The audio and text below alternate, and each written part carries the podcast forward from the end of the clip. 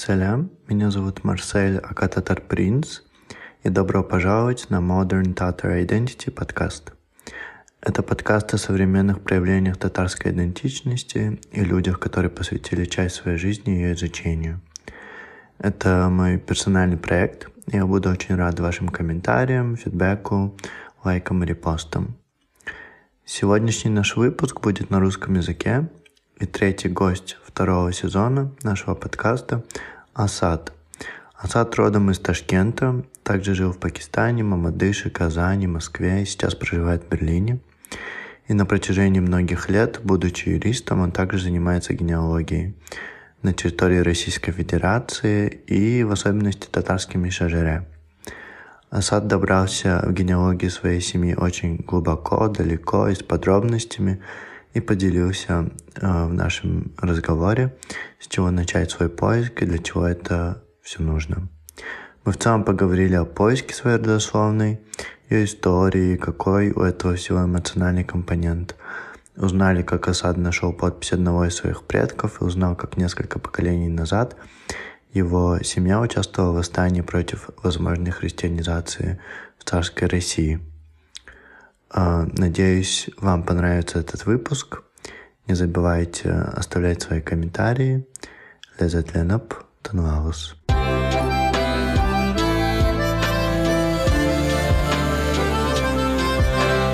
Барахзгада салям. Сегодня мы записываем подкаст на русском. А, и в гостях у нас а, Асад Хабибулин из Берлина. Салям, Асад. А, салям, Марсель.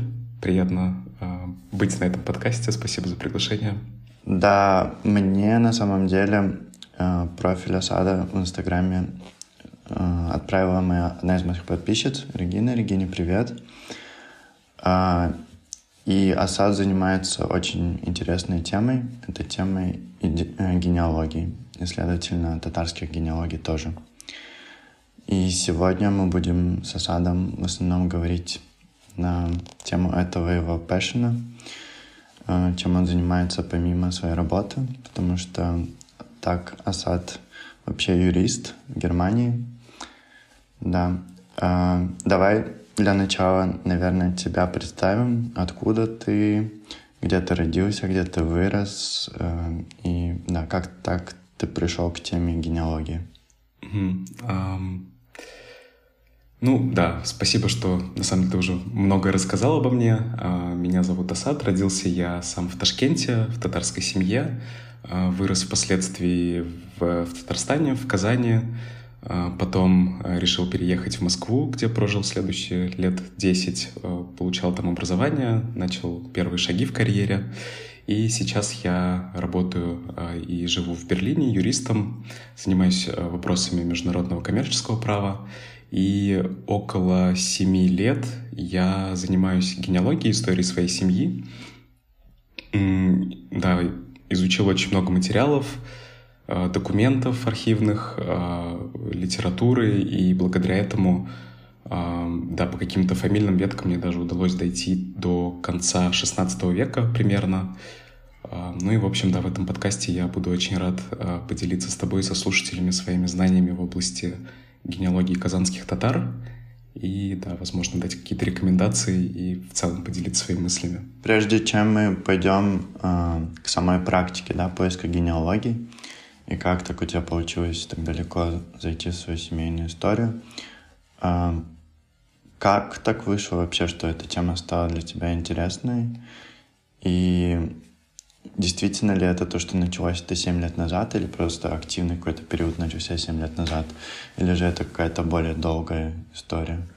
Ну, я бы сказал, да, что это такой активный период, э, семилетний, да, когда я действительно решил, начал что-то искать.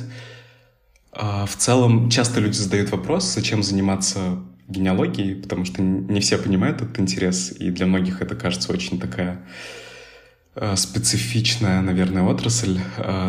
Тут, наверное, в целом, да, нужно сказать о том, почему люди решают этим заняться. Мне кажется, в первую очередь это просто любопытство, по моим наблюдениям, да, просто интересно, а что было раньше.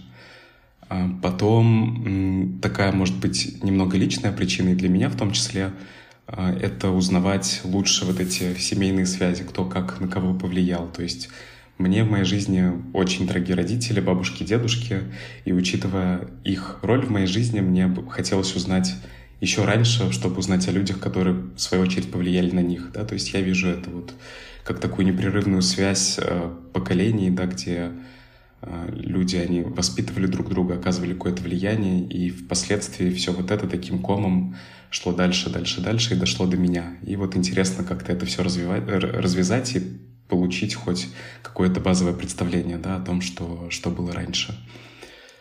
А потом а, мне всегда была очень интересная история, и мне кажется, с помощью генеалогии исторические события, они приобретают эм, личный характер, то есть происходит такое, э, скажем так, очищение от пропаганды да, государственной, то есть э, ты можешь знать да, какой-то дискуссии, что вот были, например, сталинские репрессии, да, или там были какие-то войны, и ты об этом знаешь как-то из учебников, это какой-то такой достаточно сухой текст, и не всегда ты можешь примерить его на себе лично, да, ты не всегда можешь иметь какое-то собственное мнение по этому поводу, а генеалогия, она этому способствует, то есть ты видишь какие-то документы, какие-то просьбы твоих предков, ходатайства, и, э, ну, то есть приобретают вот эти исторические процессы более такой личный окрас, и, мне кажется, можно прочувствовать вот эти вот ушедшие эпохи, вот, да, и для меня, ну, то есть уже из моего а, из моей короткой биографии, да, которую мы упомянули, эм, ясно, что я часто менял э, места жительства, то есть родился в Ташкенте, потом жил в Казани, потом в Москве, сейчас э, в Берлине. Я вчера как раз, когда немного готовился к этому подкасту, решил так примерно прикинуть, сколько мест жизни я поменял, и получилось что-то там в районе 10 плюс-минус. И мне не, вот не хватало вот этого якоря, наверное, э, вот именно ощущение принадлежности к какому-то определенному географическому месту, и генеалогия это дает, потому что ты по-другому, например, относишься к местности, да, к, например, в Татарстане, э, где я прожил там определенное количество лет. Но вот именно лучшую эмоциональную связь позволяет создать генеалогия, потому что ты знаешь, что теперь, ага, есть, например, вот такой населенный пункт где-то в Арском районе, и ты понимаешь, что там на самом деле твои предки жили веками, не знаю, три столетия, четыре столетия как минимум. И появляется такое вот ощущение якоря, связи вот именно с регионом, а, с местами, где жили твои предки. И мне это тоже очень важно, и мне кажется, это такой немаловажный фактор. Ну и в, детстве, да, вот я изначально сказал о любопытстве. А, я просто спрашивал старшее поколение о том, что было раньше, и часто вопросы, которые, ответы, которые я получал, они были достаточно эм, скудные, то есть люди мало что помнили, и мне всегда хотелось узнать, ну как же так, я хочу еще больше разузнать. И на протяжении, началось это с детства, да, и на протяжении вот жизни как-то вопрос был такой подвешенный, потому что мне казалось, что заниматься этим сложно, возможно, не так много информации осталось, но потом в какой-то момент, да, появилась достаточно мотивации, и я решил узнать, как вообще работает генеалогия, с чего нужно начать. И вот лет семь назад это все закрутилось и привело меня туда, где я есть сейчас.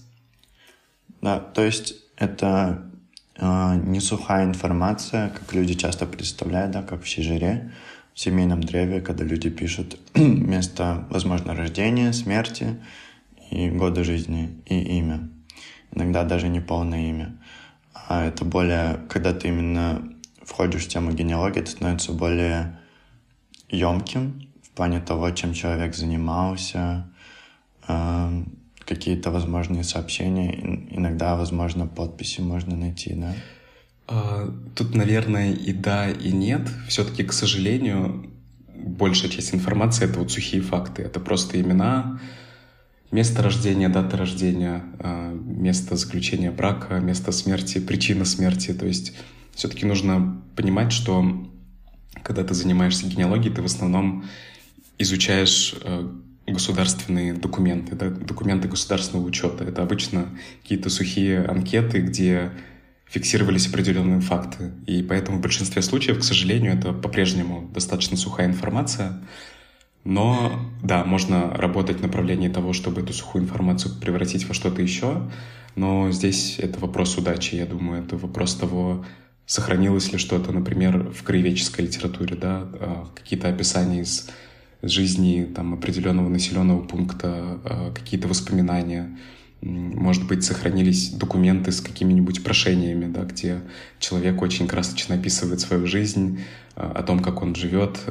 И, ну, то есть это уже вопрос удачи.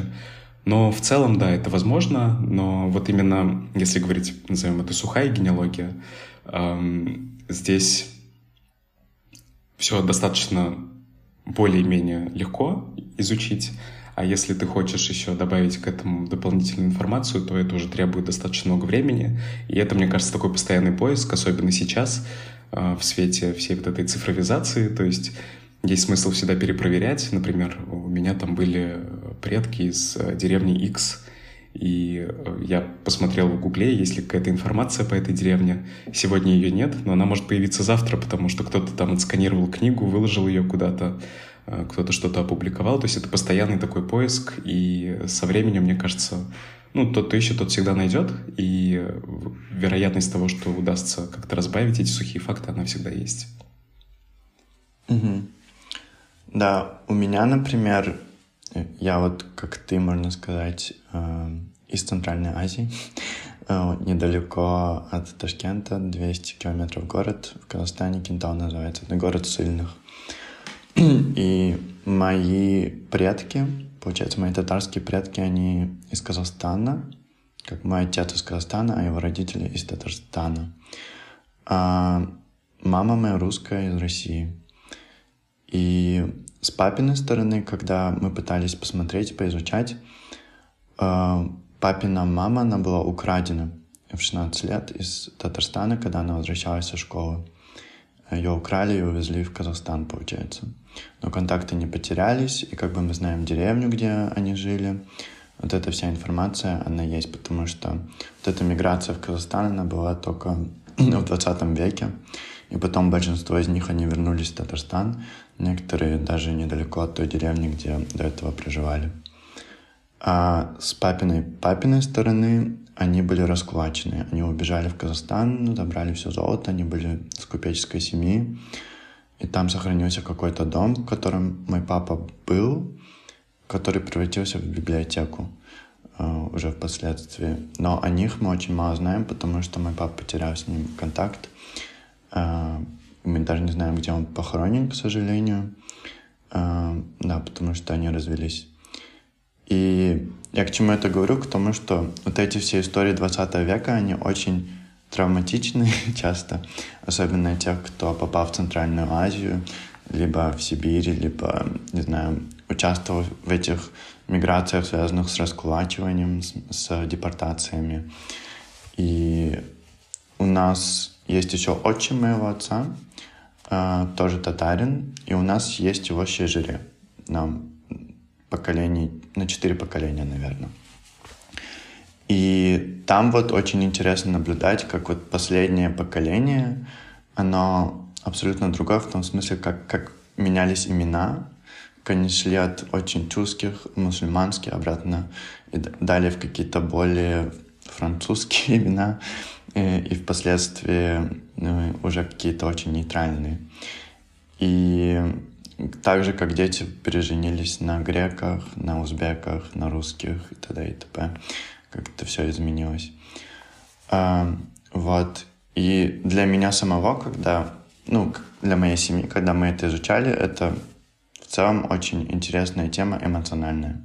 Потому что о многом мы не знаем, многого мы не видели. Так, также умершие в Великой Отечественной войне, во Второй мировой войне. И с маминой стороны то же самое. Мы знаем хорошо деревни, русские деревни, где жили ее предки. Но у нас есть один дедушка Хакас, и он был расстрелян Сталином как предатель Родины. Не помню. Кажется, тоже потому, что он был зажиточный. А, вот. И та линия тоже потеряна, но что интересно, моя мама нашла своих родственников через эту хакасскую линию, через MyHeritage. Мы в семье сделали все генеалогические тесты, ДНК-тесты. Я сделал 23andMe, моя мама и брат сделали MyHeritage, и другой мой братик и папа сделали российский тест, я не помню, как он называется. Угу, да. Было интересно сравнить. Типа, из моего experience а я верю больше всего 23andMe, но у него чуть-чуть меньше database а на наш регион именно. Поэтому российская база лучше и больше для нашего пространства, так сказать. Но интересно было, что через MyHeritage она нашла по своей вот этой линии, потому что она не поленилась и ставила вот всех тех, кого она нашла, и по хакасской линии, получается, нашла одну из ветвей. Вот. И поэтому у тебя, наверное, личный такой больше вопрос. Эм, да, в, в твоей личной генеалогии какие вот такие, связанные, может, с 20 веком, как, как оказались твои татарские эм, родственники в Узбекистане и т.д. и т.п.? А, ну, с Узбекистаном, а, наверное, это не такая травматичная история, хотя, смотря как, наверное, ее рассматривать, связано это было больше с практическими какими-то причинами. То есть у меня туда переехали мои бабушка, дедушка, и, как они говорят, то есть причина заключалась в том, что уровень жизни в Татарстане был достаточно низкий, а, были проблемы с продовольствием, и в частности, вот в первую очередь из-за этого люди как-то старались уехать в другие места, чтобы, да, а, улучшить свой уровень жизни. Кроме того, дедушка мне всегда говорил, что он очень не любил а, зиму, и поэтому все, все детство он хотел уехать куда-то, где не будет столько снега, такого мороза, и да, то, то есть такие тоже причины. То есть вот именно в моей непосредственной да, семье такого прям травматического опыта не было, я бы так все-таки сказал. То есть люди как-то сами решали покинуть э, свой дом, переехать куда-то дальше. Но если копать немного глубже, то у нас тоже вот были раскулаченные.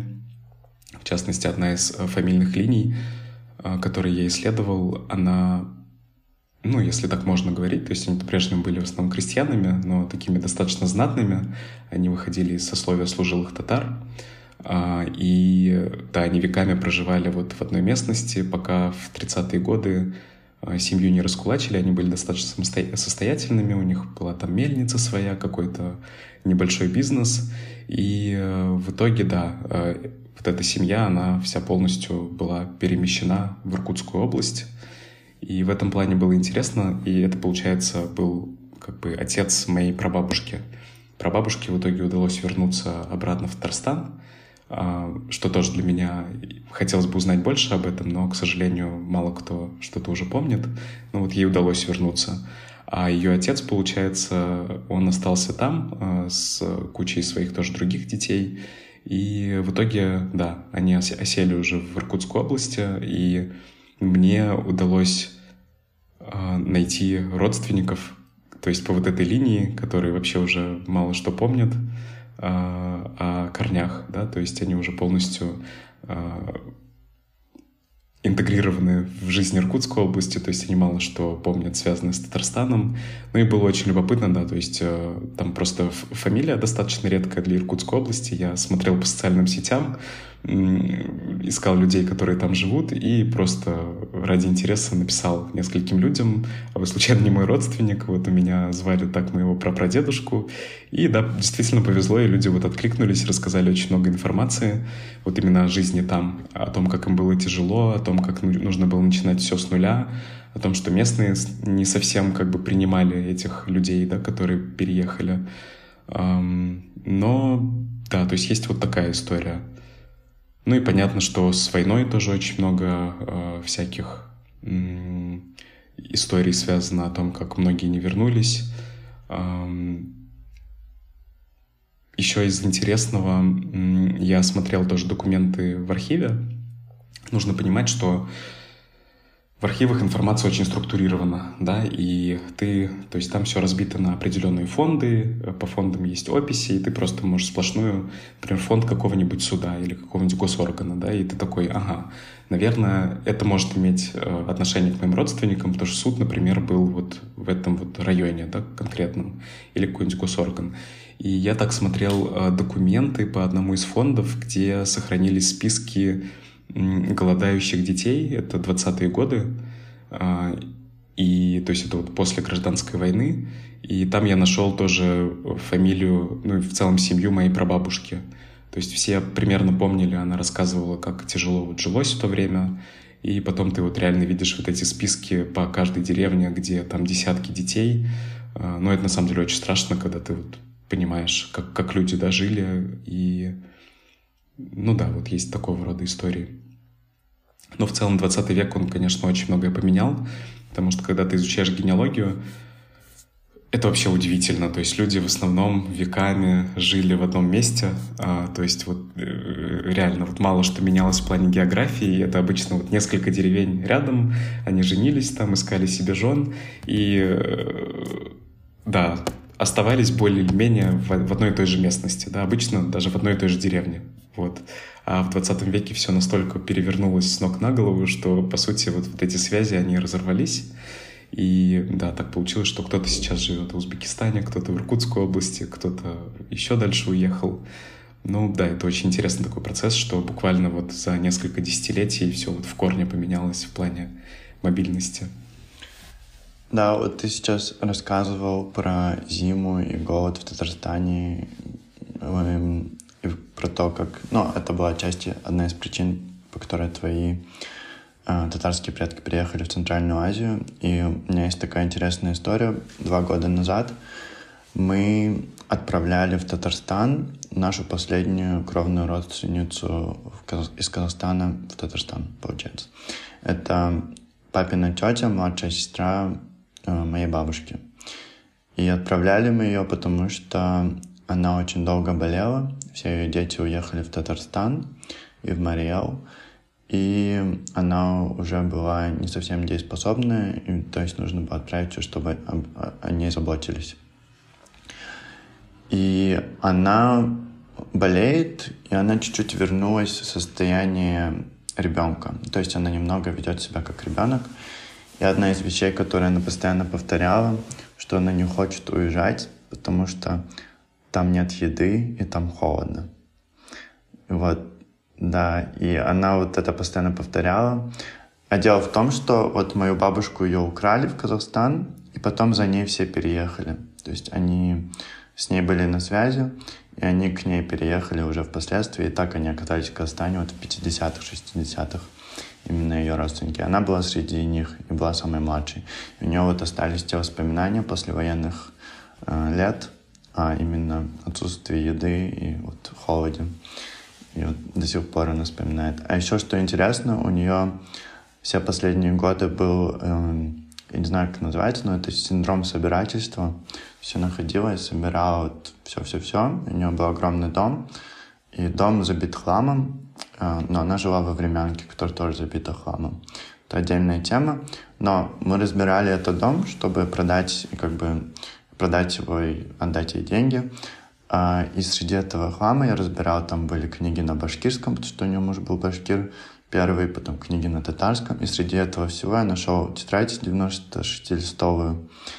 И эта тетрадь написана на татарском, арабской вязью, и принадлежавшая нашей прабабушке, получается, которая была образованной, а, и она писала дневник свой.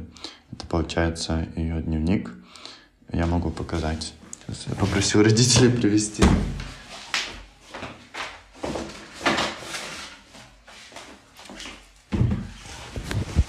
Вот. Такой. И он уже весь такой обветшалый, 96 листов. Я пытаюсь его расшифровать. Я просил пару друзей просто некоторые страницы посмотреть. Вот, они, они скажут, что там написаны молитвы на татарском, э, арабской вязью. Вот. Но я думаю, может быть, получится найти какие-то личные более записи. Я думаю, даже если это молитвы, там же моли, молились и о предках. И у нас просто тоже в семье сохранилась э, такая вот тетрадочка, э, и там перечислены имена вот на несколько поколений вперед. Это тоже было очень интересно. Я ее обнаружил уже как-то на более позднем этапе. До этого я не знал вообще этих имен, и я как бы нашел их по документам, да, и потом мне было интересно сверить то, что я нашел сам, с тем, что люди помнили, и все тоже сошлось. Это было очень интересно. Поэтому есть вероятность, что там все-таки, даже если это только молитвы, да, то может быть какая-то информация. Но на самом деле, мне кажется, сейчас стало гораздо легче даже вот э, с старотатарским языком, да, с татарским языком на арабской вязи из Кремля. Э, много людей, которые сейчас этим интересуются, даже можно в интернете там попросить кого-то, тебе могут там перевести или хотя бы коротко посмотреть, сказать, что там можно, да, перевести, если слишком много, там 90 с чем-то страниц, если... Эм, ну да, и еще моя такая рекомендация, то есть когда находишь такие старые документы, всегда есть смысл это отсканировать, чтобы... Ну это уже такая профдеформация, мне кажется, потому что ну, хорошо иметь что-то в физической форме, конечно, это самое такое, да, приятное, но никогда не знаешь, может потеряться там при переезде, еще что-то случится. И да, всегда есть смысл это все отсканить, чтобы у тебя было вот э, где-нибудь все там на облаке. И я вот то же самое сейчас делаю вот со всеми фотографиями, э, вот чтобы точно все сохранилось, потому что никогда не знаешь. И у нас из, э, в семье тоже есть история, что когда переезжали из Ташкента обратно э, в Татарстан, э, много очень всего потерялось, в том числе кучу разных фотографий. Сейчас мне очень жалко, но я знаю, что вот да, в моем случае, по крайней мере, есть такая страховка, что все это уже отсканено и, ну, вряд ли потеряется. Да, плюс разница в алфавите, то, что вот старое поколение они использовали из Кемля, и, допустим, моя тетя, сестра моего, э, отчима моего отца, получается, э, Люция Апа, у нее была огромная коллекция тетрадей и книг, написанных арабской вязью на татарском. И когда я у нее спрашивал, типа, можно ли забрать что-нибудь, она сказала, что она все отдала, потому что она не умеет читать, и она отдала тем людям, которые умеют читать. Поэтому тоже интересно.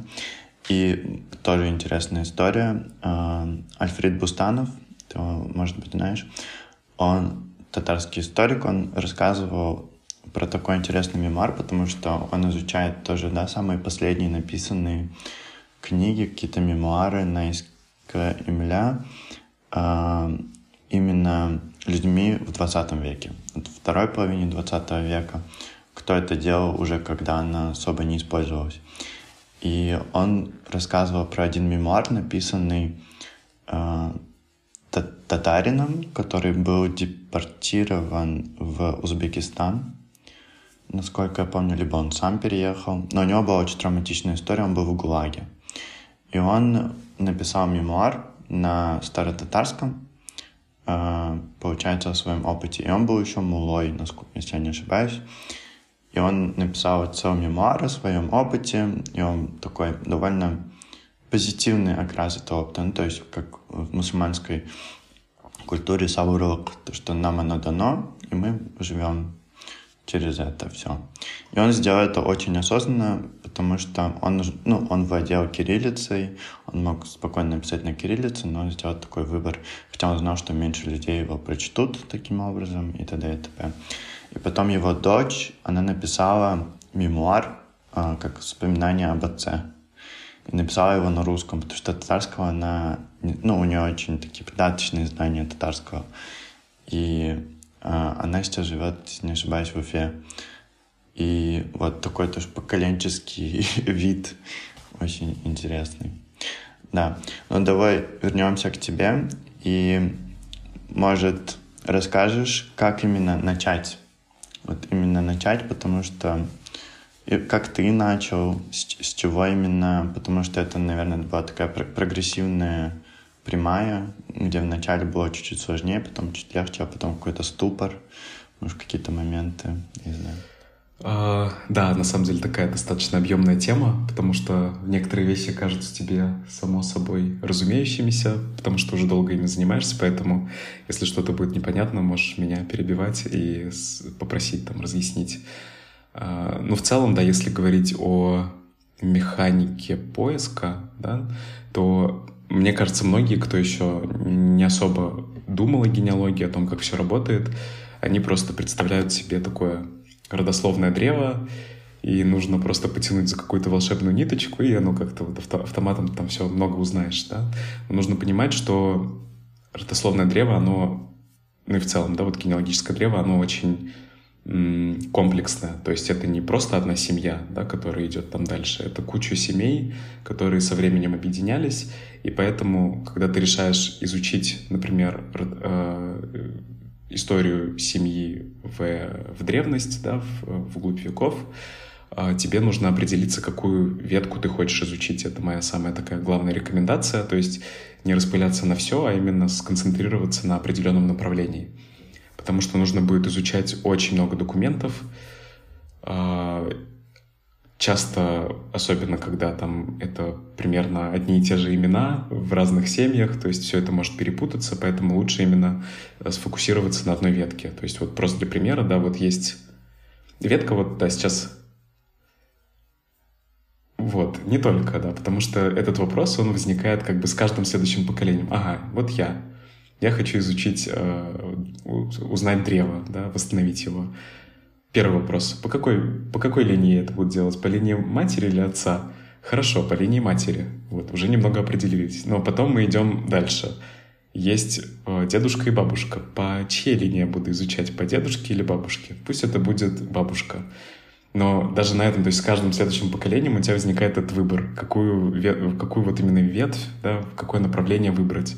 И по сути это будет такая тоненькая, тоненькая как бы линия э, по одному направлению, да, и потом ты как бы со временем пристраиваешь к ней другие линии. Но лучше вот сфокусироваться на одной, то есть это будет там бабушка, потом ее мама, е- мама ее мама и так далее. То есть это вот всегда такая... Эм, вот, то есть да, нужно определиться вот с линией, да, которая тебе наиболее интересна. И после этого нужно провести опрос родственников. Эм, и здесь лучше не ограничиваться своими вот ближайшими родственниками, да, потому что они могут не все знать, а может быть они многое знают, но не совсем точно. И есть смысл спрашивать э, там сестер, братьев, бабушек, дедушек, Э, каких-нибудь там троюродных, э, не знаю, братьев и так далее. То есть реально задача собрать как можно больше, потому что чем больше ты соберешь, тем легче будет искать.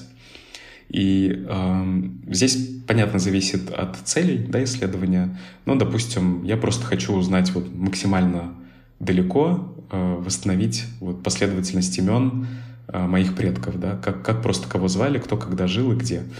А, в этом случае нужно попробовать разузнать э, в семье, да, среди родственников, самую раннюю дату рождения вот самого далекого предка. Вот точно тебе говорят, например, что да, вот мы знаем, что был э, прадедушка, и родился он 1 января 1900 года. Вот, все. То есть дальше уже никто особо ничего не помнит, и нужно сфокусироваться на вот этой дате. Могут сохраниться паспорта, могут сохраниться свидетельства о рождении, да, а, этого человека. Но, несмотря на это, лучше вот все равно отыскать в архивных материалах, это как первый источник, а, вот именно подтверждение этой записи, да? Почему нам это важно? Нам это важно с точки зрения установить, что реально этот человек родился в эту дату, и второе, установить, что вот кто, кем были его родители, да? Вот. И здесь мы уже как бы приходим к вопросу об источниках архивных. А, обычно, если ты занимаешься татарской генеалогией, твоя задача минимум просто восстановить последовательность этих имен, ты работаешь э, с метрическими книгами и с э, переписями. Вот. Когда мы говорим о метрических книгах, это такие э, реестры рождений, браков, разводов и смертей, которые велись в мечети каждый год, то есть за каждый год у одной мечети будет одна метрическая книга. Соответственно, если, допустим, твои предки там проживали в населенном пункте, и там было э, три мечети, соответственно, за один год будет три метрических книги, да, потому что там разделялось на махалю, и, соответственно, у каждой вот этой махали, у каждой э, района вокруг вот этого вот э, прихода, да, мечети, э, была своя метрическая книга. А, соответственно, чем больше мечети в населенном пункте, тем сложнее, потому что тебе придется все вот это искать, разбираться, кто куда относился. Эм, ну да, вот. Метрические книги, они велись на татарском языке, и более того, они велись на татарском языке еще и на арабской вязи. это вот самое сложное, да. А, и, соответственно, тут желательно иметь какие-то минимальные знания татарского языка и научиться читать, если ты хочешь делать это самостоятельно, что на самом деле не настолько сложно. Мне там хватило, не знаю, может быть, я месяц так ради интереса поизучал, а, как, как пишутся разные слова, ты примерно понимаешь логику, и со временем начинаешь это применять, и более-менее получается разбираться в этом. И потом с опытом уже как-то это, этот навык, он оттачивается. Вот, да, есть метрические книги, есть переписи.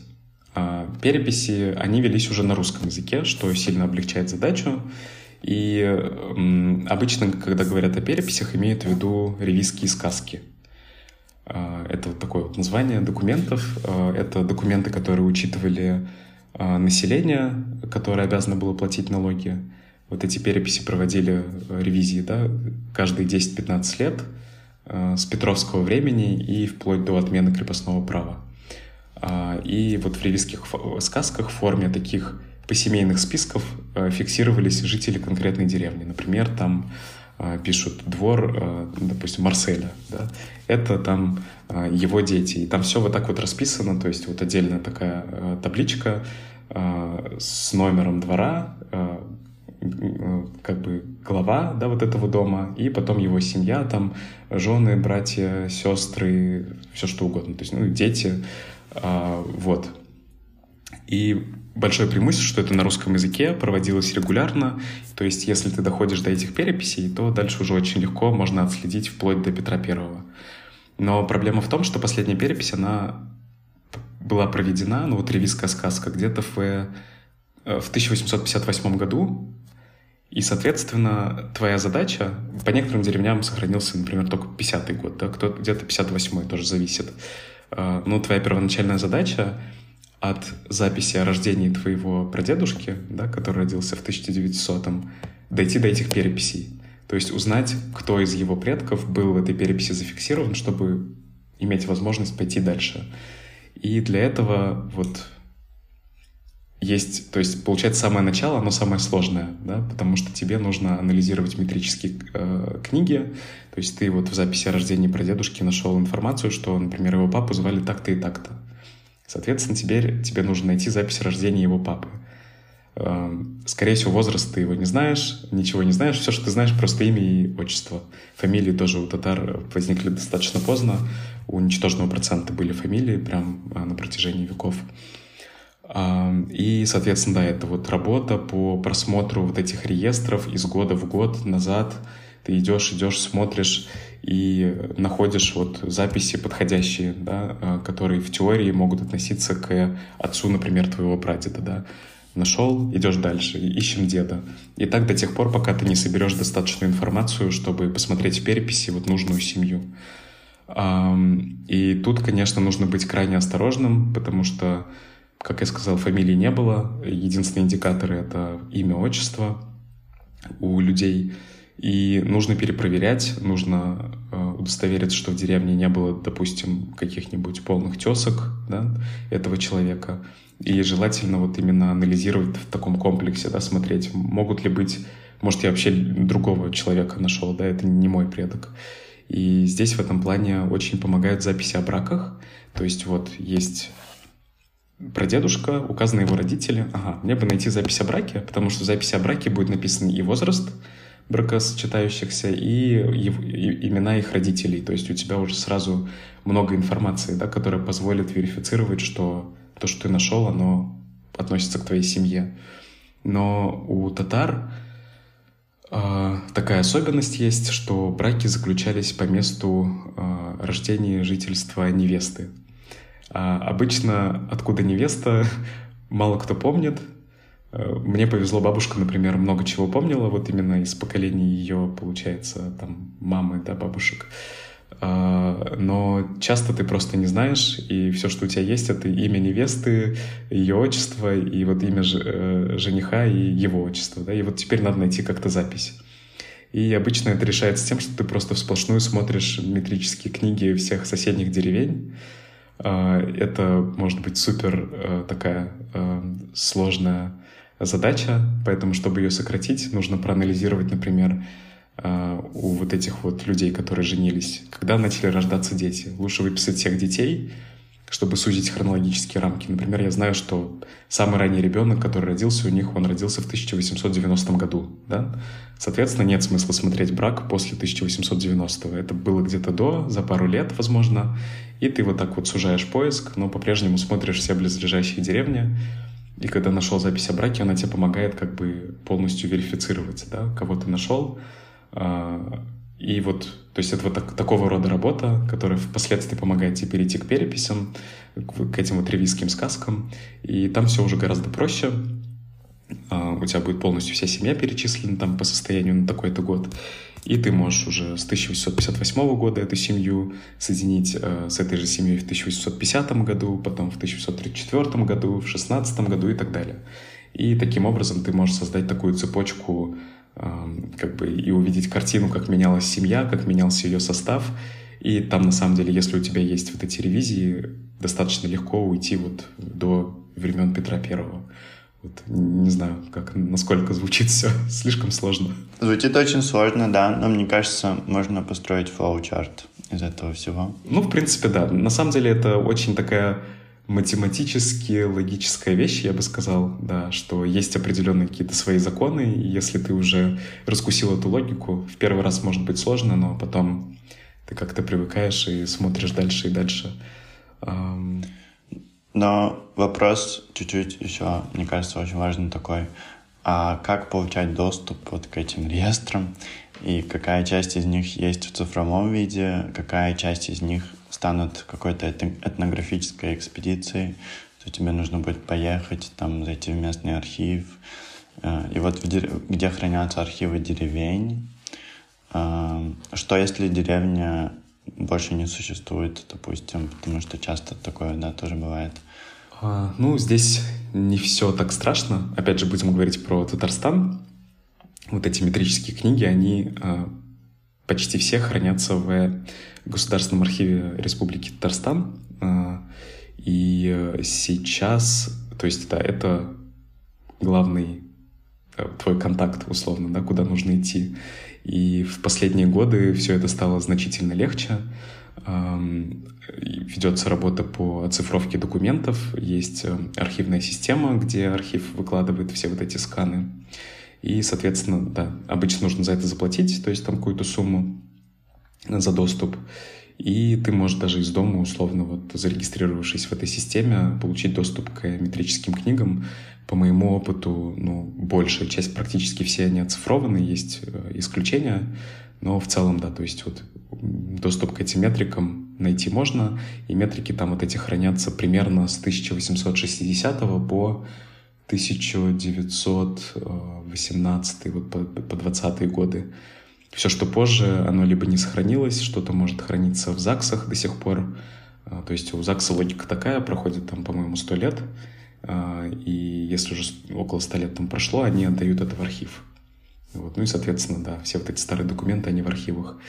Если это метрические книги там до, мне кажется, до, с 1865 в архиве Татарстана, все, что раньше, это исключение, да. Если до 1865 это нужно обращаться в архив Башкортостана. То есть там остались вот эти метрические книги. Они сами велись с 1800, с конца 1820-х годов, ну, скажем, 1830 а, Вот с тех пор их регулярно вели. То есть, да, логика такая хронологическая. 1830-1865 это нужно идти в архив Башкортостана, и все, что позже, это в архиве Татарстана. Обычно, обычно вот так. То есть есть э, понятные исключения. В Башкортостане почему, как так вышло, что татар, ну, архив территории Татарстана, получается, попал в архив Башкортостана? Да, потому что в Уфе находилось духовное управление мусульман, и вот мула, который вел метрическую книгу да, по конкретной мечети, он должен был отправлять туда копию, и поэтому там вот э, сохранились вот эти документы. Вот. А, да, до сих пор. И там, на самом деле, в Уфе, да, достаточно много еще других документов, особенно если предки были там, не знаю, предок был мулой, то можно тоже достаточно много найти информации. Есть какие-то дела там о спорах э, между например, о разводе, да, какие-то дела тоже встречаются, они тоже есть. Есть смысл смотреть тоже в, в, в Башкортостане вот эту информацию. Ну, собственно, логика такая. То есть ты работаешь с метрическими книгами и переписями, да, когда ты доходишь до Петра Первого, что уже определенная удача, потому что в ревизиях часто бывают пробелы. Например, по Татарстану э, большая проблема в том, что сохранилась э, ревизская сказка 1834 года, а более ранние ревизии они не сохранились, и самое как бы крайнее после этого это 1762. И не всегда удается соединить семьи, потому что там сколько, э, да, ну, много лет прошло, около 70. Вот. Но в целом, да, ты доходишь до времен Петра Первого, это начало 1700-х годов, и в теории еще больше удача. Э, в 17 веке э, тоже русские цари, они как бы при них проводились тоже переписи и составлялись песцовые книги. То есть можно с первой там ревизии, да, она была проведена в 1719 году, перейти вот в более ранние переписи там 17 века. Но это тоже отдельная э, такая активность, потому что они тоже, они на русском языке, но там язык был прям сильно другой. Э, там тексты, вот именно почерк, да, это называется скоропись русская, тоже, то есть вот если ты сходу увидишь документ, ну, будет сложновато, нужно привыкать, там буквы по-другому писались. Но в целом, да, есть тоже определенная вероятность, что удастся с этими источниками поработать. Но они тоже разной сохранности в зависимости от деревни и так далее. Ну и если задача, да, восстановить э, генеалогическое древо с именами с датами, то вот, вот этого, в принципе, будет достаточно работы вот с этими источниками. Если ты хочешь что-то большее, да, как мы с тобой обсуждали, там добавить какой-то эмоциональный компонент, э, найти там какие-нибудь интересные истории, то нужно будет уже больше смотреть документов. А ты лично много или ты ездил в такие, можно сказать, семейные этнографические экспедиции, может быть, какие-то деревни? И как у тебя так получилось дойти глубоко именно своей семейной истории? А, ну, да, соответственно, секрет успеха в том, что я со временем изучил все вот эти ветки. Есть ветки, где все достаточно рано заканчивается, но учитывая, что вот этих вот линий, как я тебе объяснял, очень много, да, то вероятность, что хоть где-то ты до чего-то там далеко докопаешься, она всегда есть.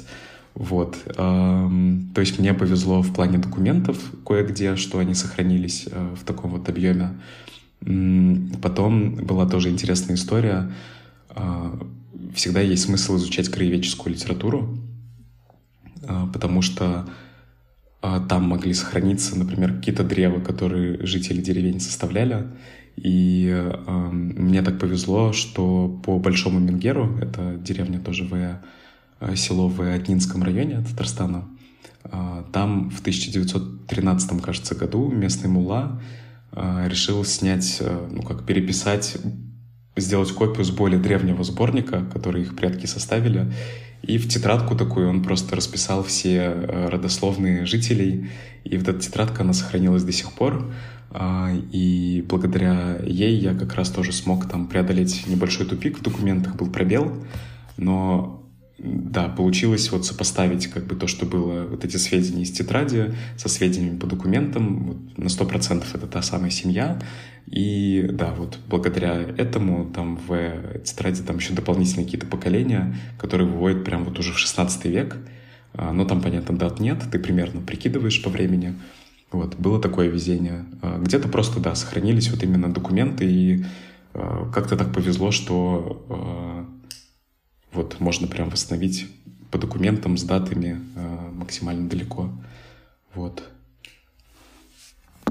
Еще, наверное, из интересного, ну, то есть смысл изучать вот эту краеведческую литературу, он всегда есть. Надо гуглить, да, как я сказал, смотреть э, открытые источники.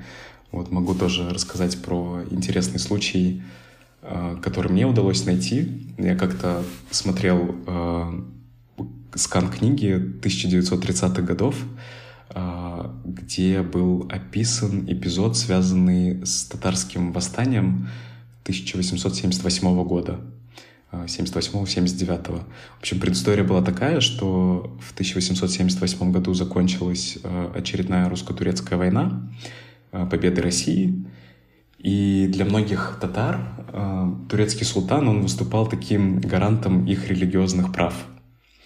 Вот. И получилось так, что э, после поражения Турции, да, Османской империи, в народе появился такой слух, что вот, ну, турецкий султан проиграл, некому теперь защищать э, татар и их религиозные права, поэтому, скорее всего, сейчас всех будут насильно крестить. Ну и масло подливали в огонь там э, другие там жители, да, соседних деревень, которые татарам говорили, ну вот, смотрите, сейчас, сейчас будет. Ну это больше вот как-то кто-то мог в шутку это сказать, да, даже есть свидетельство, что чиновники это говорили, но никто не ожидал, что ситуация вспыхнет, потому что тема насильственного крещения для, для татар, она всегда была очень э, чувствительной, э, то есть люди реально этого боялись, и э, в нескольких властях Казанского уезда вспыхнуло восстание, где люди решили, что все, нам надо показать, что мы реально этим недовольны, что мы против этого. И э, да, то есть вспыхнуло восстание, в том числе вот как раз в Большом Менгере, э, откуда у меня предки. И это был один из эпицентров этого восстания. И вот описывается как раз в этой книге 30-х годов э, эпизод из этого восстания. То есть получилось так, что когда начались эти волнения, в город в, в деревню прибыл из Казани глава уездной полиции, чтобы утихомирить народ. Но затея была не очень хорошая. При нем люди, э, вот эти местные жители, избили нескольких чиновников. В общем, ситуация полностью вышла из-под контроля. Он вернулся потом в Казань. А, и в итоге казанский губернатор э, решил собрать батальон и отправился с этим батальоном в, в Менгер, да, усмирять восставших. И в итоге, да, всех э, наказали очень жестоко, то есть там э, высекли розгами, при этом губернатор э, сохранили свидетельство, как он там лично оскорблял религиозные чувства эм, татар. И сохранился такой эпизод, где упоминается имя моего предка. То есть я просто в книге увидел вот это имя, деревню, и такой, о, надо же, может, это мой? И потом я начал изучать, и оказалось, что действительно я там все верифицировал. Но да, эпизод был такой, что губернатор попросил одного из чиновников, которого побили, показать пальцем на человека, который вот избил. А, и он показал пальцем на одного из вот крестьян, и это оказался брат моего там пра-пра несколько раз деда. А, и губернатор сказал, что, ну, приказал остальным полицейским его высечь при всех, они его стали э, как бы бить, да, и губернатор такой добавил, что, ну, платье вообще-то ничем не виновато, ну, его вот верхняя одежда, так что ее надо снять. Сняли одежду, и то есть вот без верхней одежды стали его вот так вот э, бить при всех, он упал, э, вот, ну, то есть вот это все в таких ярких красках рассказывается о том, что вот там было столько-то свидетелей, все подтверждают, что это произошло, но в итоге, да, восстание его подавили, но Восставшие посчитали, что губернатор превысил полномочия, потому что у них конфисковали скот, э, там какое-то имущество, потом вот, вот эти все оскорбления. И крестьяне, они решили написать э, жалобу в Сенат в Петербурге. И да, до сих пор сохранились материалы вот этого разбирательства. Это такое достаточно массивное дело, которое сохранилось, вот лежит в Питере до сих пор. И там вот этот эпизод с моим, получается, родственником, да, он являлся одним из центральных, где Сенат пытался понять, превысил губернатор полномочия или не превысил. Э, в итоге пришли к выводу, что, ну, понятно, восстание надо было подавлять, он сделал все правильно в этом плане. Э, то, что он конфисковал имущество, это тоже правильно, но они посчитали, что была превышена мера жестокости, что э, как-то вот он как бы немного переборщил, перегнул палку, да. И в итоге, чем все закончилось, это разбирательство повлияло на карьеру губернатора, он лишился губернаторского поста, что на самом деле удивительно, что это вот царская Россия, да, достаточно репрессивное государство, но тем не менее э, такое могло произойти. И там же в книге пишется, что после этого у татар было предание, что богатые татарские купцы э, ездили там по делам в Петербург и как-то раз в поезде увидели этого губернатора, поникшего, грустного, в плохой одежде. Вот, и там вот такие слухи даже в народе стали ходить. Ну и получается, да, то есть я, если бы не вот эта литература, да, если бы не то, что я решил просто попробовать загуглить название деревни, поискать там в Google книгах, может быть, еще где-то, а, я бы этого не узнал, да, и получается, по сути, это э, тыкать пальцем в небо, но э, да, иногда получается очень успешно, и всегда в этом есть смысл. И есть смысл делать это регулярно, перепроверять, может, еще что-то появилось. Ну, в общем, да, вот такая история. Вот. Да, это супер интересно, потому что это история из таких огромных слоев. И чуть-чуть копнул, а вышло столько всего. Да, не говори, потому что я сам не ожидал, и я такой, ну, я помню, это вечером нашел и думаю, ну не, ну вряд ли, как-то слишком большое какое-то жирное совпадение. Вот, но потом, да, а, я как раз заказал э, тоже, там нашел исследователя в Петербурге, попросил его посмотреть это дело. А, он там какие-то выписки мне прислал, и то есть, э, да, то есть потом уже, когда начинаешь все это разбирать, действительно получается, что все, все было так. Эм, человек, который написал вот эту книгу в 30-е годы, ничего не придумал, действительно, вот э, вся эта информация сохранилась, есть все эти документы. Вот. А эта книга была написана татарским каким-то свидетелем или... А, нет, это... Мне кажется, книга была... Я могу ошибаться, но она достаточно такая была пропагандистская, написана в советское время о том, как плохо жилось э, народом в царское время. То есть, э, мне кажется, основная э, цель была вот именно рассказать об этом в таком ключе, что вот сейчас советская власть, и все совсем по-другому. Вот. Да, интересно. Но вообще поисковые системы — это прекрасное пространство, потому что я тоже очень много ищу э, своей специфики. Э, ищу в Гугле и ВКонтакте. Вот ВКонтакте тоже удивительное место. Э, такая. Да, согласен, согласен. Есть еще группы по, например, э, населенным пунктам, э, где люди там тоже много выкладывают фотографий, обсуждают старые фотки. Всегда есть смысл да, смотреть. Еще из интересного, э, ты спрашивал да, про э, экспедиции на места предков. К сожалению, да, сейчас, учитывая, что я живу достаточно далеко, с этим проблематично. У меня все теплится надежда, что однажды удастся сорваться, поехать, путешествовать, смотреть. Э, и из интересного в архиве Татарстана сохранились эм, планы деревень, которые составлялись в 1870-е примерно, 80-е годы, плюс-минус. И э, планы составляли там из соображений противопожарной безопасности. Там планировалась, по-моему, перепланировка. Тавтология получилась. Ну, в общем, да, э, улиц. И в этих планах, то есть они прям реально пронумеровали каждое хозяйство, да, домашнее, то есть вот там прям улицы нарисованы, где у кого какой земельный участок, и к этим планам прилагаются списки э, домовладельцев, и ты можешь реально сопоставить, э, там, если ты знаешь, да, кто у тебя жил в то время, вот имя с местом, где проживали, и у меня так по нескольким деревням, да, получилось, что я в теории могу э, посмотреть вот это место плюс-минус, и да, вот у меня есть такая идея съездить, посмотреть, что там сейчас находится. Вот. И из интересного, что даже планировка вот населенных пунктов, она не сильно изменилась вот за 150, там, 160 лет. Примерно все то же самое. Это тоже как-то, э, да, удивительно, мне кажется, потому что тоже помогает тебе прочувствовать, что вот, вот эта улица, да, по которой ты ходишь, она очень давно здесь. Да, еще спасибо тому, что, по сути, миграции не так много было. В основном были междеревенские миграции из одного аула в другой. Угу. Потому что, да, с переездами все было бы гораздо сложнее, если бы особенно это были какие-то глобальные переезды. Э, это да. Потому что у меня есть э, тоже э, хороший друг.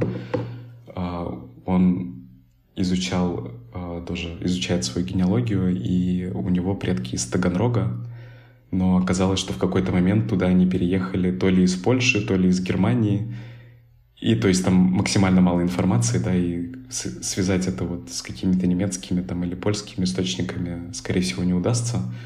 Ну да, то есть миграция, она всегда добавляет вот эту вот дополнительную сложность, скажем так, создает.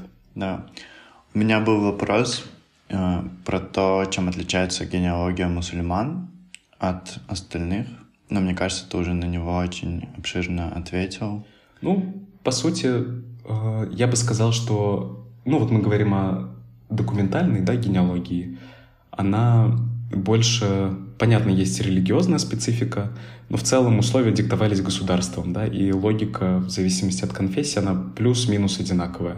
И у православных есть метрические книги. Единственное, что их начали вести гораздо раньше. У татар там с 1820-х годов с конца, у православных и в 18 веке они были. Вот. Переписи, соответственно, они, вот эти вот ревизские сказки, они велись и по русским, и по татарам. Ну, то есть тоже, да, нет такого вот ограничения. Специфика, да, заключается в языке, особенно когда метрические книги, то есть это татарский язык обычно. А, в столицах, там, в мечетях до Петербурга, Москвы иногда на русском писали. А, но вот именно если мы говорим о Татарстане, то почти всегда, мне кажется, это татарский язык. Ну да, еще плюс интересно, что вот у татар были такие, по моим наблюдениям, достаточно развитые родословные традиции, вот именно устной генеалогии. Потому что, да, вот я тебе рассказывал про вот этот сборник, который я нашел, что действительно, получается, вся деревня, вряд ли это был один человек, который держал всю эту информацию в голове, они вот помнили о своих предках, э, записывали все это, да. К сожалению, вот это вот потерялось со временем. То есть как-то связи оборвались, и... Но, к счастью, есть документы, по которым можно попробовать это все восстановить. Получается, что для тебя это в основном ведь такая личная деятельность, ну, не профессиональная. Но понятно, что у тебя уже появился какой-то комьюнити людей, которые тоже горят этим, с кем ты обсуждаешь, кто тебе, возможно, помогает находить какие-то архивы в разных локациях. А, но если говорить о тебе а, настоящем, вот что тебе могло это дать? Как, да, как оно повлияло вообще на твое представление себя, своей семьи и какой эмоциональный компонент в этом всем? да, хороший очень вопрос. да, это для меня более такое личное, наверное, занятие, такая отдушина, наверное. А, здесь, наверное, надо сказать, что по-другому ты ощущаешь связь э, со своей семьей, то есть э, ты понимаешь, да, что вот много родственников, все вы как-то связаны, и это помогает вот именно улучшить, наверное, или расширить отношения с таким более дальним кругом родственников. А, то есть это вот дополнительная тема для разговоров, например, при встречах, да, может быть. Это может дать какую-то дополнительную деятельность, например, а, когда я соберусь там куда-то поехать, скорее всего, я поеду с кем-то, да, из родственников. То есть это вот такие помогает как-то вот эти традиции семейные, да, какие-то сохранять, э, поддерживать связь, э, потом дает тебе осознание того, что ты являешься частью какой-то культурной общности, да, частью народа, потому что ты видишь, что действительно все так переплетено. Э, например, недавно мы говорили о генетических тестах. Оказалось, что мы там с моей знакомой Э, являемся пятиюродными братом и сестрой. Это вот буквально на, на прошлой неделе мы узнали. Э, ну, это интересно, то есть ты чувствуешь, что все реально очень взаимосвязано. Вот, что еще? Кроме того, мне кажется, это может быть интересная общественно полезная да, эм, деятельность.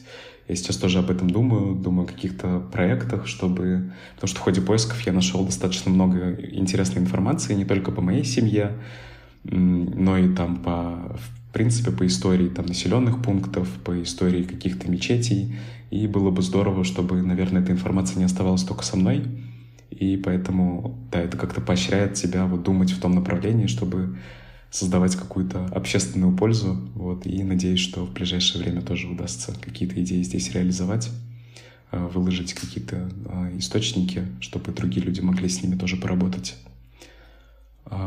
Ну и плюс, да, то есть по-другому, да, извини, что перебиваю, по-другому воспринимаешь историю, как я сказал, да, в начале, то есть как-то для, для меня теперь вот даже русско-турецкая война там 1877-78 года не пустой звук. Я знаю, что вот из-за этой войны началось вот это восстание. И в этом восстании, э, значит, э, да, отличился, получается, член семьи.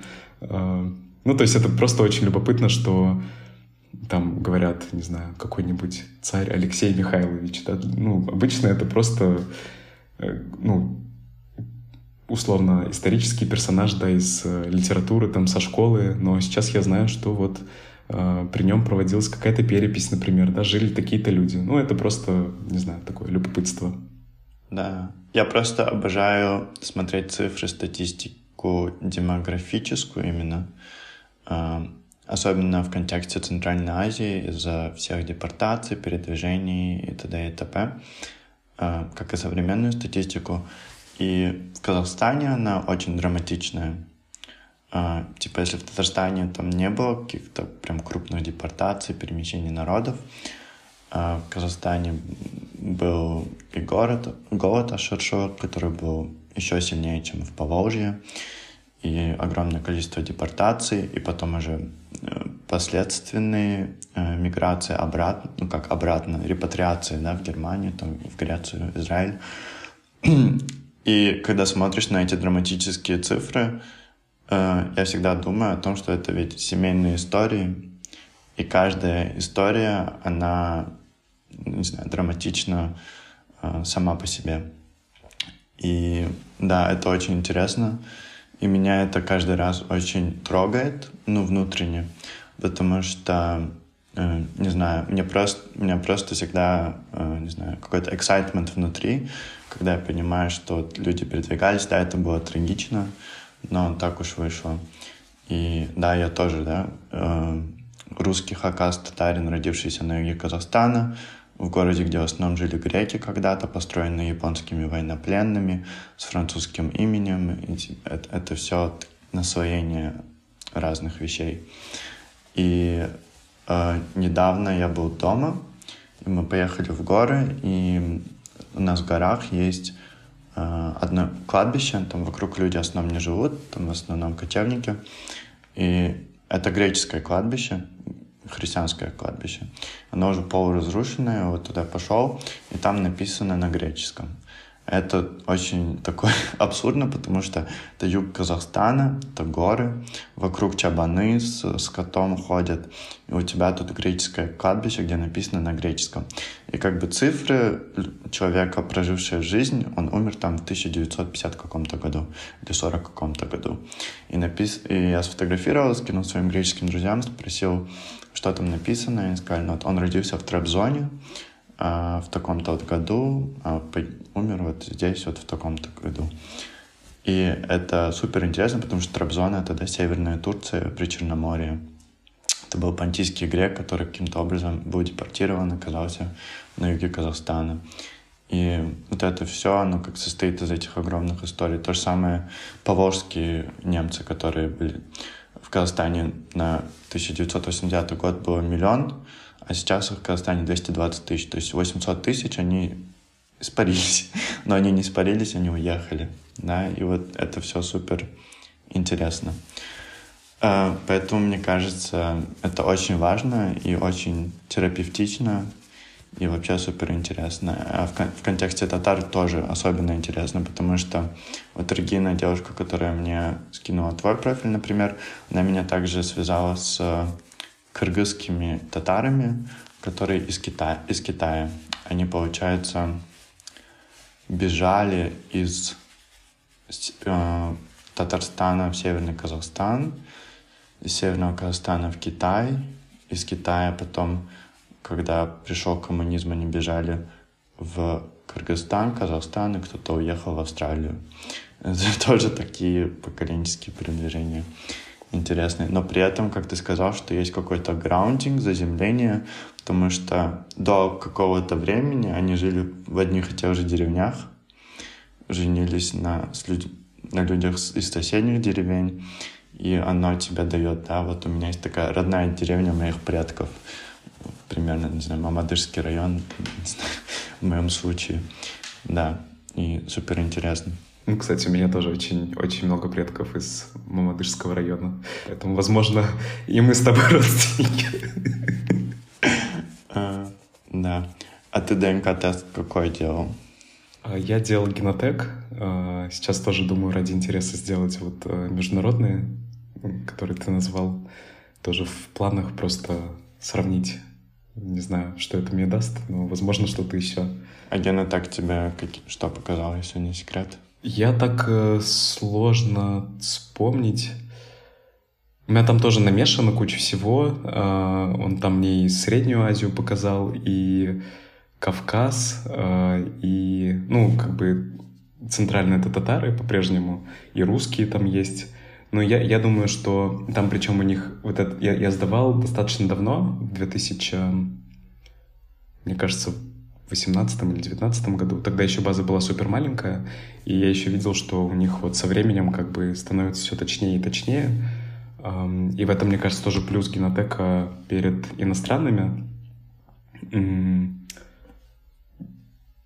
сервисами, да, потому что, мне кажется, у них вот эта этническая разбивка, она более эм, отражает специфику, да, в России, потому что, я не знаю, может, я не прав, но у меня ощущение, что многие иностранные, они просто говорят, ну, Восточная Европа, там, и там перечисление народов.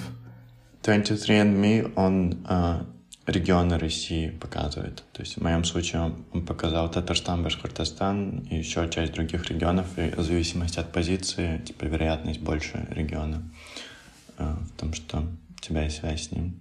А, из интересного, если мы говорим о ДНК-генеалогии, есть еще целое а, такое движение, скажем так, исследователей, которые работают на стыке документальной генеалогии и генетической. И даже в Татарстане сейчас э, знаю, что активисты, они ходят по деревням, э, ищут э, предположительных... Сейчас попробую объяснить. Э, допустим, у меня по одному населенному пункту э, сохранилась там перепись 1646 года, и я знаю вот, как звали предка, да, и мне нужно теперь узнать, связать его с его папой и дедушкой. И сохранилась перепись, по-моему, 1602 года, то есть это прям супер древность.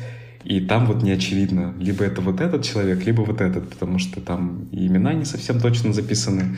И есть люди, которые, например, пытаются найти точных потомков вот этих людей, чтобы они сдали тест и потом проверить как-то совпадение. И там вроде как... Я, я просто не очень хорошо разбираюсь вот именно в генетической эм, генеалогии, да, но именно вот важно, чтобы это была вроде как мужская линия, и как-то вот это тебе дает уверенности, что, ну да, если у вас прямые мужские линии совпадают там, то, скорее всего, э, ну да, то есть ты можешь подтвердить, что вот это именно вот этот человек, а не вот этот. Ну, в общем, это супер интересно.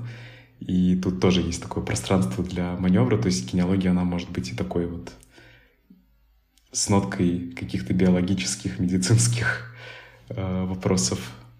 Ну, вот. Да, наука может помочь. Угу. Да. А, давай, наверное, подойдем к последнему вопросу, который я спрашиваю всех людей, кто ко мне приходит на подкаст. Да. А, что для тебя татарлык? Какие у тебя отношения с татар-теля? И как вообще ты видишь будущее татарского мира? И задумываешься ли ты об этом вообще? Потому что ну, для некоторых людей это является важным, для некоторых не особо. И да. Mm, на самом деле вопрос суперсложный для меня. А, и а, я бы, наверное, сказал, если говорить о татарскости, да, если так это говорят по-русски, наверное, да. А, ну вот моя такая личная, наверное, особенность, я не люблю подводить все под какой-то общий знаменатель, что вот, вот таким ты должен быть, да, чтобы считаться там э, татарином, допустим, да, то есть мне кажется, наоборот, раз, в разности тоже сила, да, какая-то есть, поэтому мои критерии, они достаточно размытые. Вот для себя я выделил наверное, важность, какое-то вот трепет, трепетное отношение к родной культуре, э, к истории, к языку. Э, и в частности, наверное, из-за того, что я занимаюсь историей семьи, я просто это вижу, как люди старались это сохранять, да, и для меня это вообще на самом деле очень удивительно, если говорить о географическом положении, да, что э, Татарстан находится в самом как бы центре России, да, сегодня, и то есть ты полностью окружен такой доминирующей культурой и языковой, и просто, ну, то есть вот И мне удивительно, что это вот на протяжении там пяти столетий продолжает сохраняться. И я это ни, никак не могу по-другому себе объяснить, кроме, кроме как люди реально трепетно относятся к наследию, культуре. И даже вот опять, возвращаясь к примеру с этим восстанием, да, то есть люди вот готовы были идти на жертвы, чтобы отстоять там свою религию, еще что-то. Ну, вот это прослеживается прям достаточно сильно, особенно если говорить там в 18 веке, да, когда были вот эти кампании по разрушению мечетей, когда реально государство пыталось э, крестить да, как можно больше народу, э, и несмотря на вот это давление, то есть вот этнос, он сохранился, да, культура сохранилась. Кроме того, не знаю, для себя я почему-то всегда выделял трудолюбие, особенно когда из соседних регионов въезжаешь в Татарстан, и сразу как-то картинка меняется, все аккуратные вот эти там домики, ну, как-то вот чувствуется, да, и в целом у нас такой очень, а, если говорить о регионе, он очень трудолюбивый и нацеленный именно на созидание, да, вот, вот, наверное, вот эти черты я бы тоже выделил, вот, ну, крайне общо, и вот это моя такая цель, наверное, сохранить такую крайне общую характеристику.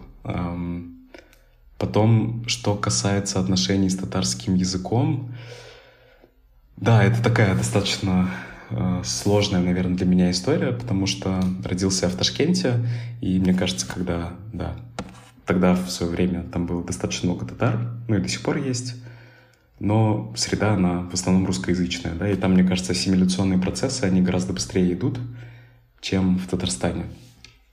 Поэтому общались э, мы на русском языке, э, и татарский для меня в детстве он был больше, вот я помню, дедушка с бабушкой там слушали песни, я там дурачился, мог подпевать какие-то там песни, вот как-то вот на таком, да, фольклорном уровне, и мне на самом деле очень жалко, что так получилось. И потом мы переехали, мне было 9 лет, э, в Татарстан. Сперва мы жили как раз в Мамадыше, рядом с родственниками. И там я язык выучил буквально за несколько месяцев. Для меня до сих пор вот... Я, я даже не знаю, как так произошло, потому что... Ну вот я не помню, чтобы я прям сидел, изучал грамматику, еще что-то. Я как-то вот подхватил, и быстро все очень пошло. И вот у меня там в Мамадыше был, были полтора года моей жизни, где я достаточно тесно с этим соприкоснулся. И, по сути, тот, та база, которая у меня впоследствии жизни сохранялась, она была заложена именно там. А, и потом так получилось в жизни, что чем взрослее я становился, тем дальше от Татарстана я находился. Ну, сперва это была Казань, понятно, но Казань — это такой преимущественно русскоязычный город. Э, да, 5 лет там, потом в Москве следующие 10 лет.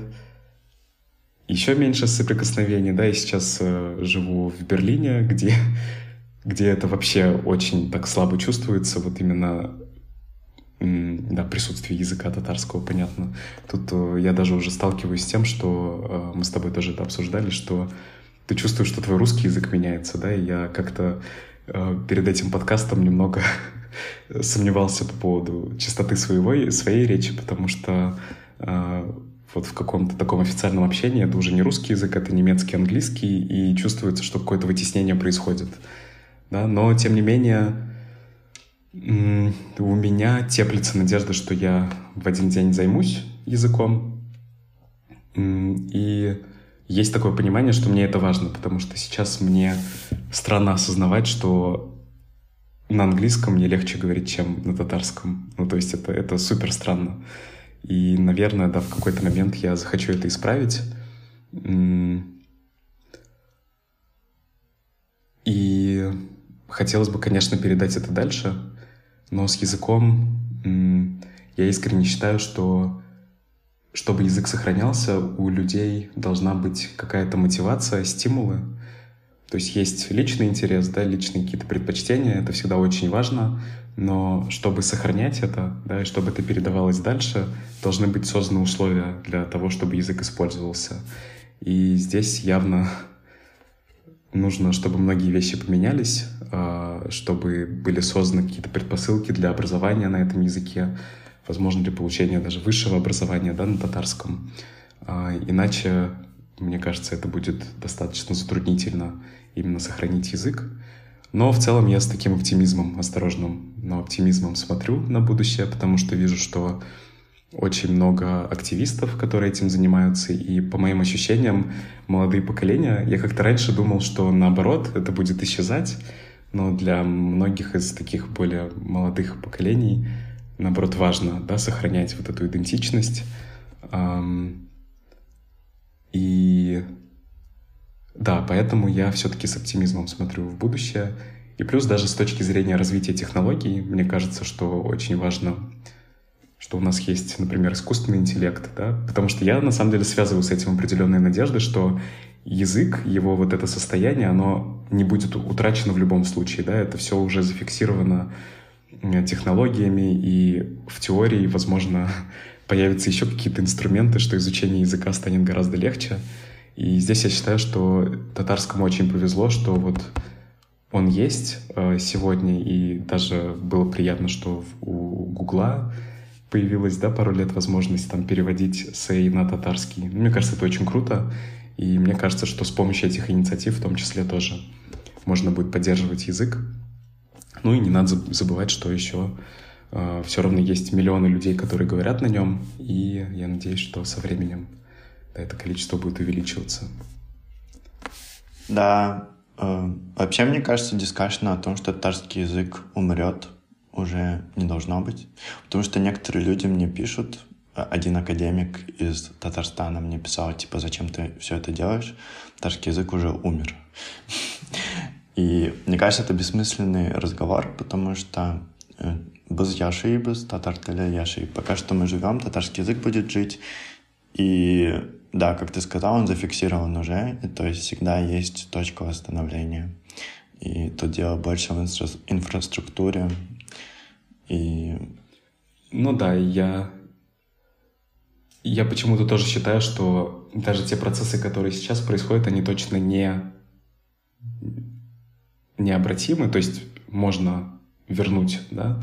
Вопрос именно в стимулах и условиях для расцвета языка. Но я думаю, что ну, э, это будет.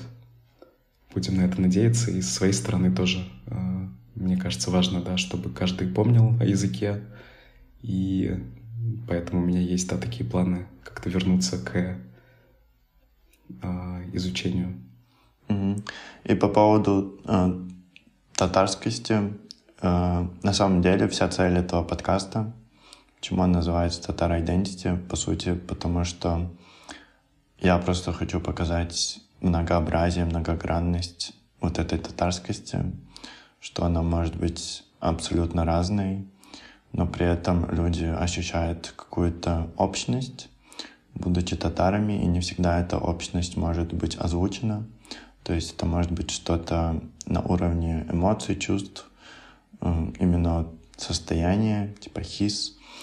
А, и есть какие-то, не знаю, детерминирующие, наверное, э, понятия, которые ты уже озвучил сегодня, но да, она прекрасная, многообразная, многообразная, и ее очень интересно изучать. И поэтому спасибо тебе за участие в этом подкасте. Мне кажется, многим будет интересно послушать. Может, кто-то замотивируется изучать свою историю, потому что это сложно, но не так сложно, то есть это выполнимо. Если захотеть, то можно сделать. Да, я, я, я, я на самом деле думаю, вопрос сложности, он всегда зависит от а, мотивации в первую очередь, да, и если ты реально этим горишь, то я думаю, что никакие помехи не будут тебе помехами, скорее будут такими э, вызовами, да, которые ты хочешь там преодолеть. И плюс действительно с цифровизацией становится все проще и проще. А, и очень приятно видеть, что даже большие компании к этому подключаются. Например, а, у Яндекса появился сервис архивы, они заключают, видимо, соглашения с местными архивами разных регионов России, и на основании соглашения индексируются сканы, и искусственный интеллект, он распознает текст на документах, и все-таки есть такая надежда, что когда-нибудь э, научат э, искусственный интеллект читать и татарский язык арабской вязью а, и загрузить вот эти сканы тоже, и тогда это было вообще шикарно, то есть э, мне кажется, это очень многое бы облегчило. Но опять же, сравнивая да, занятия генеалогией там 7 лет назад и сейчас, я уже вижу огромную разницу, а, уже очень много информации, очень много людей, которые этим занимаются, и потому что до этого всегда это казалось чем-то таким далеким, возможно, очень, возможно, очень экспертным, что тебе нужно быть там чуть ли не доктором исторических наук, чтобы разобраться в этом всем, но опыт показывает, что на самом деле, да, интерес — это главное, мотивация — это главное, и э, если они есть, то можно разобраться с этим. Да. Еще раз, Рахмет. И, да, тебе тоже, Рахмет. Заканчиваем. Sağ olun.